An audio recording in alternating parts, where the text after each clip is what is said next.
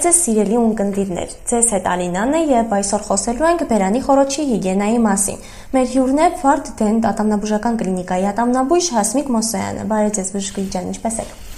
Բարև ձեզ, շնորհակալություն, շատ լավ եմ, շատ ուրախ եմ, որ հիմա ներկայացնելու ենք շատ արդիական մի թեմա, որը վերաբերվում է բերանի խորոչի հիգիենային։ Բժշկուհի ջան, առաջին հարցը, որից սկսենք, երևի հենց անհատական հիգիենային կվերաբերվի, ինչն է իր մեջ ներառում բերանի խորոչի ամենօրյա անհատական հիգիենը։ Մեր ատամների առողջությունը կախված է բերանի խորոչի հիգիենայից։ Բերանի խորոչի հիգիենան կոմպլեքս խնամք է, որը իր մեջ ներառում է եւ անհատական, եւ պրոֆեսիոնալ խնամքը։ Անհատական խնամքը դա անձը կատարում է տանը տնային պայմաններում, իսկ պրոֆեսիոնալ խնամքը լինում է մասնագետի կողմից։ Անհատական խնամքի ժամանակ հարկավոր է ամեն օր առավոտյան նախաճաշից հետո եւ երեկոյան քնելուց առաջ լվանալ ատամները խոզանակով եւ մածուկով։ Ատամները լվանում ենք ատամի հիմքից դեպի դուրս ուղահայաց եւ պտական շարժումներով լվանում ենք ոչ միայն ատամների արտաքին մակերեսը, այլև ներքին մակերեսը, ծամող մակերեսները եւ շատ ցանկալի է, որ լվանան նաև լեզուն։ Բացի ատամի խոզանակից եւ մածուկից կան ատամնաթելեր, որը մաքրում է միջատամնային տարածությունները, դա շատ կարևոր է, որովհետև միջատամնային տարածություններում մնում են սննդային մնացորդներ եւ շատ լավ բարենպաստ պայմաններ են ստեղծում միկրոօրգանիզմների բազմացման համար։ Ինչպես նաև անհատական հիգիենայի մեջ մտնում է բերանի խորոչի անտիսեպտիկ հեղուկները, բայց դրանք ցանկալի է օգտագործել պարտադիր բժշկի ցուցումով։ Այսինքն օրինակ եթե ունենք լիստերին, որը շատ հաճախ են ընդհանրապես կիրառում, դա չի կարելի ամենօրյա։ Նայեք, քանի որ մենք ունենք անտիսեպտիկ լուծույթներ, կարևոր չի անունը լիստերին է թե օրալբի, ամեն դեպքում նրանք իրենց մեջ պարունակում են որոշակի նյութեր որոնցից հիմնական մասը կազմում է քլորհեքսիդինը։ Քլորհեքսիդինը ինքը անտիսեպտիկ է, բայց ամեն օր օգտագործելը կարող է բերել վերանի խորոչի ռեզիդենտ միկրոֆլորայի անկմանը, որը պատճառ կհանդիսանա այս կամ այն հիվանդության։ Դրա համար վերանի խորոչի ողողումների համար նախատեսված հեղուկները ցանկալի է օգտագործել անպայման բժշկի ցուցումով այն մարդիկ, երիտասարդները, որոնք ունեն առողջ վերանի խորոջ, ցանկալի է որ նմանատիպ հեղուկները օգտագործեն շաբաթը մեկ անգամ, իսկ այն անձիկ, ովքեր ունեն պարոդոնտի որոշակի հիվանդություններ, արդեն բժշկի ցուցումով կարող են օգտագործել շաբաթական 2 անգամ, 3 անգամ նայած թե իրենց ինչ է հարկավոր անել։ Բայց ոչ ամեն օր ատամները լվանալուց հետո։ Ամեն օր ատամները լվանալուց հետո ցանկալի չէ։ Այդ դեպքում պետք է նախընտրությունը տալ ավելի շատ դեղաբույսային պարունակություն ունեցող անտիսեպտիկ հեղուկների։ Լավ, բարի, իսկ անհատական խնամքի հետ հիգիենայի հետ կապված ինչ-որ ավելացնելու բան ունեք։ Անհատական խնամքը շատ ցանկալի է, որ սկսվի վաղ մանկական հասակից։ Այսինքն, երբ փոքրիկը ծկտում է իր առաջին ատամները, դա տեղի ունենում 6-ից 8 ամսական հասակում, այդ վաղ մանկական հասակից ցանկալի է կատարել բերանի խորոչի հիգիենան։ Մինչև 3 տարեկան երեխաներին մայրիկների օգնությամբ հատուկ սիլիկոնե խոզանակներով, որը նման է մատնոցին, մայրիկը մաքրում է երեխայի ծկտած ատամները 3-ից մինչև 5 տարեկան երեխաներին, երբ նրանք կարողանում են արդեն բռնել խոզանակը, ցանկալի է որ մայրիկների օգնությամբ հսկողության տակ նրանք նույնպես բախվեն ատամների խնամքով, որովհետև փոքր հասակում դա դառնում է սովորույթ եւ մեծ ժամանակ իրենից դժվարություն չի ներկայացնում եւ շատ կարեւոր է անհատական խնամքը օրթոդոնտիկ բուժման մեջ գտնվող անձանց համար Եթե նորմայում պետք է լվանալ առավոտյան եւ երեկոյան, օրթոդոնտիկ բուժման մեջ գտնվող անձիկ պետք է լվանան ամեն ուտելուց հետո, որովհետև բրեկետային համակարգերը շատ նպաստող պայմաններ են ստեղծում սննդի կուտակման համար, որը չլվանալու եւ չմաքրելու դեպքում բերում է ատամի էմալի այս կամ այն հիվանդության։ Ահա, բարի, իսկ ինչպես պետք է ընտրել ճիշտ խոզանակ։ Ինչպես ընտրել։ Հիմա շուկայում շատ կան տարբեր խոզանակներ։ Նախ կարելի է դասակարգել խոզանակները, ինչպիսին են նրանք լինում։ Նրանք լինում են մեխանիկական եւ էլեկտրական։ Մեխանիկական լինի թե էլեկտրական, դա կարող է վերցնել հենց ինքը անհատը, բայց ուշադրությունը դարձնում ենք արդեն նրա գլխիկների, մազիկների վրա։ Խոզանակները լինում են փափուկ, միջին կոշտությամբ եւ կոշտ Փափուկ խոզանակները խորհուրդ է տրվում օգտագործել մինչև 5 տարեկան երեխաներին, որոնք հետև նրանք նեյլոնային մազիկներով են, փափուկ են, չեն վնասում փոքրիկի լենդային լորձաթաղանթը, ինչպես նաև ատամի ոչ կալցիով հագեցած էմալը։ Միջին կոշտության խոզանակները օգտագործում են 5 տարեկանից բարձր անձիկ, մեծահասակները եթե նրանք ունեն առողջ բերանի խորոջ։ Իսկ այն մարդիկ, ովքեր որ կունենան այս կամ այն պարադոնտի հիվանդությունները, նրանց բժշկի ցուցումով կփոխվի նաև խոզանակը։ Կոշտ խոզանակները օգտագործվում են հիմնականում արհեստական պրոթեզները, շարժական արհեստական պրոթեզները լվանալու համար։ Խոզանակի բռնակները էական չեն, բայց գլխիկների հետ կապված գլխիկի չափսը պիտի լինի այնպեսին, որ ընդգրկի 2-2.5 ատամ։ Ինչքան փոքր, այնքան ավելի հարմարավետ բերանի խորոչում, որովհետև կան մարդիկ, որոնց մոտ փսխման ռեֆլեքսը շատ բարձր է, եւ մեծ գլխիկ ունենալու դեպքում միգուցե նրանք ունենան այդ ռեֆլեքսը։ Եվ փոքրիկ գլխիկով շատ հարմար է այսպես ասած վերանի խորոչի հետին ատամները մաքրելը եւ նրանք կարողանում են ամենադժվար տեղերը նույնիսկ հացնել եւ ատամները լվանալ, որը վերաբերվում է հիմնականում իմաստության ատամներին։ Խոզանակի մազիկները լինում են արհեստական եւ բնական բայց ցանկալի է օգտագործել արհեստական մազիկներով խոզանակները, որովհետև բնական մազիկներով խոզանակները իրենք ավելի բարենպաստ պայմաններ են, որpիսի միկրոօրգանիզմները մնան եւ բազմանան։ Խոզանակները պետք է փոխել երկու ամիսը մեկ անգամ, բայց հիմա շուկայում կան հատուկ գունաներկերով խոզանակներ, որոնք այդ գունաներկերի գունափոխվելու հետ մեկտեղ ցույց են տալիս, թե դու երբ պիտի փոխես խոզանակը։ Իսկ ընդհանուր առմամբ խոզանակների մազմզիկները ծռմռվում են կամ փչանում են, դա տեսանելի է լինում եւ դուք ինքներդ կկարողանաք կողնորոշել, թե երբ է պետք ձեզ խոզանակը փոխել։ Ինչպես նաեւ խոզանակը պարտադիր պետք է փոխել այն դեպքում, երբ դուք եղել եք այս կամ այն հիվանդությամբ հիվանդ, հիմնականում վիրուսային հիվանդություններով, լավանալուց հետո պարտադիր փոխեք խոզանակը, որովհետև կարող է խոզանակի վրա ինչ-որ մանրուքներ մնալ։ Շատ կարևոր է խոզանակի պահումը այն հնարավորինս պետք է պահել մաքուր վիճակում, Ատամը լվանալուց հետո պարտադիր մածուկից լվացեք խոզանակը հոսող ջրի տակ, վրան լցրեք օճառ, հորուկ նոր դրեք, եթե ինքը ճունի իր համապատասխան փականը։ Օգտագործելուց առաջ նորից ջրի տակ լվացեք ձեր մածուկը,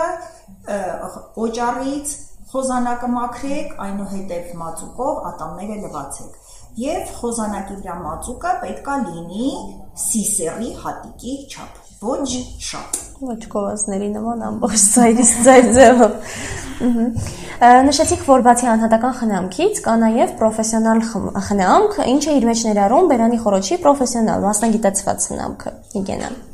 Պրոֆեսիոնալ խնամքը բավականին տարբերվում է անհատական խնամքից, որովհետև պրոֆեսիոնալ խնամքը մասնագետը կատարում է որոշակի սարքավորումների, ապարատների միջոցով։ Հիմնականում, որը շատ օգտագործվում է, դա ուլտրաձայնային ապարատն է, airflow ապարատը, periflow ապարատը, vector սարքը, բայց դա արդեն բժիշկն է ընտրում, թե որ գործիքով պետք է ինքը աշխատի։ Ուլտրաձայնային ապարատի գլխիկների բազմազանության շնորհիվ կարողանում ենք մաքրել ոչ միայն վերլենդային ատամնակարերը, այլ նաև ստոլլենդային ատամնակարերը։ Airflow-ի միջոցով, որը իրենից ներկայացնում է օդի ջրի շիթ եւ օգտագործում են հատուկ նատրիումի բիկարբոնատի փոշի, այդ բոլորի համակցությունով շատ լավ մաքրվում է վերլենդային ատամնափարերը միջատամնային տարածություններում, պերիոֆլոյով մաքրվում է ստորլենդոին ատամնափարերը։ Նրանք, այսպես ասած, կարողանում են հասնել այն անհասանելի տեղերին, որը դժվար է։ Վեկտոր սարքի օգնությամբ հիմնականը օգտագործվում է պարոդոնտի այս կամ այն հիվանդությունների ժամանակ, որը ավելի խորը լնդագրպանիկներ է մաքրում։ Ինչպես նաև պրոֆեսիոնալ խնամքը իր մեջ ներառում է հատուկ խոզանակներ եւ մածուկներ, որի միջոցով փափուկ ատամնափարերն են հեռացվում, այսպես ասած, ծխախոտի փարերն են հեռացվում։ է, իսկ ինչքան ինչ հաճախականությամբ պետք է կատարել ատամնակարերի ու ատամնափարի հեռացումը, մաքրումը։ Ատամնակարերի եւ ատամնափարերի մաքրումը առողջ բերանի խորոչ ունենալու դեպքում պարտադիր պետք է մաքրել 6 ամիսը մեկ անգամ։ Իսկ այն անձինք անհատական, ովքեր ունեն ոչ այդքան ունեն անբավարար հիգիենա կամ պարոդոնտի որևիցե հիվանդություն, նրանք ցանկալի է մաքրեն իրենց ատամնակարերն ու ատամնափարերը 3-ից 4 ամիսը մեկ անգամ։ Նման դեպքերում բժշկի ցուցումով նշվում է թե երբ պետք է իրենք հաջորդ այցը լինեն։ Լավ, երևի հիգիենայի հետ կապված այսքանը ամփոփենք, բայց հիգիենայից դուրս խոսենք ստոմատիտի մասին, ինչ է ստոմատիտը, կարող է արդյոք առաջանալ բերանի խորոչի ոչ ճիշտ հիգիենայի արդյունքում, ինչպես խուսափել դրա առաջացումից, հետո ինչպես բուժել ստոմատիտը։ Ստոմատիտը ընդհանուր հասկացողություն է, որը իր մեջ ներառում է բերանի խորոչի լորձաթաղանթի բորբոքային հիվանդությունները Այն կարող է առաջանալ ինչպես ինքնուրույն հիվանդություն, այնպես կարող է լինել օրգանիզմի ընդհանուր դիմադրողականության ընկճման հետևանքով։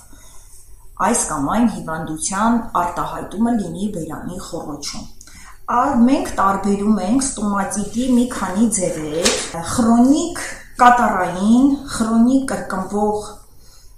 խոցային ստոմատիտ, հերպետիկ ստոմատիտ, դեղորայքային, վենսանի խոցանեկրոտիտ, ստոմատիտը, վնասվածքային, կանզիդոզային, ամեն մեկը յուրովի ներկայանում է բերանի խոռոչում։ Խրոնիկ կրկնվող խոցային ստոմատիտը արտահայտվում է բերանի խոռոչում խոցերի ձևով։ Պատճառագիտությունը դեռ པարս չէ, բայց կան շատ վարկածներ, որ կարող են լինել վիրուսները եւ բակտերիաները։ Խոցերը հիմնականում լինում են շրթունքների, քիմքի, լեզվի վրա, կարող է լինել լոկալ եւ տոտալ 1-2-ից մինչեւ ամբողջ բերանի խոռոչի լորձաթաղանթի վրա։ Երբ լինում է տարածված այդ խոցերը, պացիենտի ընդհանուր դիմադրողականությունը նույնպես տուժում է։ Լինում է ընդհանուր թուլություն, նույնիսկ ջերմության բարձրացում մինչեւ 38-39 աստիճան ջերմությամբ եւ ավտաները լինում են շատ ցավոտ։ Հերպետիկ ստոմատիտի ժամանակ անունից արդեն ինքը པարզ է, որ հարուցիչը հասարակ հերպեսն է եւ այդ դեպքում հիմնականում լինում է 0-ից մինչեւ 3 տարեկան երեխաների մոտ ու սկզբնական շրջանում լինում է ընդհանուր թուլություն, ջերմության բարձրացում, վիրուսին բնորոշ, այնուհետև փոքրիկ բշտիկներ բերանի խոռոչի լորձաթաղանթի վրա, ինչպես նաև շրթունքների կարմիր երիզի վրա։ Այդ բշտիկները շատ արագ պայթելով վերածվում են էրոզիաների, որոնք նույնպես շատ ցավոտ են։ Վնասվածքային ստոմատիտների հիմնական պատճառները կարող են լինել մեխանիկական վնասվածքները, աշարժ կոնստրուկցիաները բերանի խոռոչի, ինչպես նաև ոչ ճիշտ դրված կամ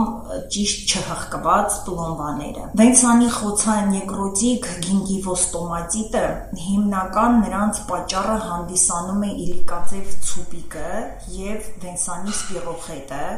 որը հանդիսանում է բերանի խոռոչի ռեզիդենտ միկրոֆլորա, այն շատ քիչ քանակությամբ կա բերանի խոռոչում եւ այս կամ այն պատճառով ոչ ճիշտ խնամքի կամ օրգանիզմի այլ հիվանդությունների պատճառով, երբ նա գլուխ է բարձրացնում, արդեն լինում է շատ մեծ օծային մակերեսներ, որոնք պատված են լինում մերուկացված փառով եւ այդ մերուկացման փառի արդյունքում ունենում ենք բերանի խոռոչի շատ տհաճ հոտ եւ բացի բերանի խոռոչից դուժում է նաեւ ընդհանուր օրգանիզմը, որովհետեւ լինում է էլի ջերմության բարձրացում եւ եթե այդ ընթացքում ուղեկցվում է այս կամ այն հիվանդության հետ, բերում է շատ ծանր հետևանքների։ Սնկային ախտահարումները բերանի խոռոչում հիմնականում կանձիդա խմբի սնկերն են պատճառը, Բերանի խոռոչում արտահայտվում է բերանի չորությամբ, այրոցի զգացումով, կաթնաշուռանման փառով, որը նույնպես պոկելու դեպքում ունենում ենք արնահոսող խոցային մակերես։ Քանի որ տարբեր են պատճառները, գինգիվոստոմատիտի, դրա համար բուժումը ընթանում է առաջին ամենադժվարը դա ախտորոշումն է։ Առաջինը պետք է ճիշտ ախտորոշել, երկրորդը վերացնել պատճառը, նոր երրորդ դեպքում անում ենք սիմպտոմատիկ բուժում բերանի խոռոչում։ Որպիսի ունենանք առողջ բերանի խոռոչ, շատ լավ կլինի հետևել հիգիենային, որը կբերի այս կամ այն հիվանդության կանխարգելմանը։ Ավելի լավ է կանխարգելել հիվանդությունը, քան բուժել։ Իսկ ավելացնելու ինչ որ բան ունեք ավելացնելու կարող ենք նշել ատամի մածուկները, ինչպես ընտրել ճիշտ ատամի մածուկ, երեխաների համար մայրիկներին խորհուրդ եմ տալիս պարտադիր ատամի մածուկը գնելիս նայեն տարիքային սահմանափակումներին, որովհետև ըստ տարիքային սահմանափակումների երեխաների համար նախատեսված նյութեր կան ատամի մածուկի մեջ։ Մեծահասակներին ատամի մածուկը գնելիս բացի պիտակին նայելուց կուզենամ նշել նայեն ներքևի մասում քառակուսիով նշված գույները ըստ գույների կարող ենք իմանալ թե մածուկը ինչից է պատրաստված այն օրգանական է անօրգանական նյութերից է թե ոչ Ահա թե ինչ է նշանակում այդ գույները։ Սև քառակուսին, որը դուք կտեսնեք ատամի մածուկի հետևի մասում, պատրաստված է այդ ատամի մածուկը քիմիական նյութերից։ Կարմիր քառակուսի նշանակում է, որ այն պատրաստված է եւ քիմիական եւ բնական նյութերի միացությունից։ Կապույտ քառակուսի նշանակում է, որ բացի ատամի մածուկի բնական բաղադրիչներից, նրա մեջ պարունակում է նաև դեղամիջոցներ իսկ կանաչ քառակուսին նշանակում է, որ այն պատրաստված է բացառապես բնական նյութերից։ Եվ ըստ դրանց ուշադրություն դարձնելով, կարծում եմ բոլորը կկարողանան իրենց համար ճիշտ ատամի մածուկ գտնել։ Բացի գունանկարներից կուզենամ ուշադրություն դարձնել ֆտորի եւ կալցիումի քանակի պարունակություն ատամի մածուկի մեջ, որովհետեւ կան ատամի մածուկներ, որոնք պարունակում են եւ կալցիում եւ ֆտորը, կան մածուկներ, որոնք պարունակում են միմիայն ակտիվ ֆտոր, իսկ մանկական հասակի մածուկներում կալցիումի քանակն է շատ ավելի բարձր, իսկ ֆտորը կազմում է 0.1%։ Ակտիվ ֆտորով մածուկները խորհուրդ է տրվում գերզգայուն ատամներ ունեցող պացիենտների համար, քանի որ նրանք պետք է օգտագործեն 21-ից մինչև 30 օր շատը չի թույլատրվում։ Սպիտակացնող նյութեր պարունակող մածուկները, որը հիմա բոլորը շատ սիրում են օգտագործել, ցանկալի է օգտագործել 15 օրը մեկ անգամ։ Մնացած դեպքերում ըստ տարիքային խմբի ընտրեք ձեր սիրելի մածուկը։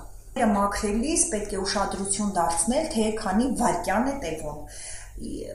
ցանկալի է որ օգտագործել խոզանակը եւ մածուկը բերանի խորոչում մաքրելու ընթացքը պետք է տևի 2-ից 3 րոպե որոշ հիվանդությունների ժամանակ խորհուրդ ենք տալիս նաեւ մինչեւ 5 րոպե ատամների մաքրումը Եթե ցանկանում եք օգտագործել անտիսեպտիկ հեղուկներ ողողման նպատակով, պետք է այն բերանի խոռոչում ողողումը տևի ընդամենը 30 վայրկյան։ Այսքանը կուզենամ ավելացնել, որ բոլորը ճիշտ խնամեն իրենց բերանի խոռոչը, որովհետև հիվանդությունները ավելի հեշտ է կանխարգելել, քան բուժել, եւ հիշեք, որ ձեր ձեռքերում է ձեր բերանի խոռոչի առողջությունը։ Շնորհակալ եմ շատ, շատ հետաքրքիր զրույց ստացվեց։ Այսօրվա համար այսքանը հաջողություն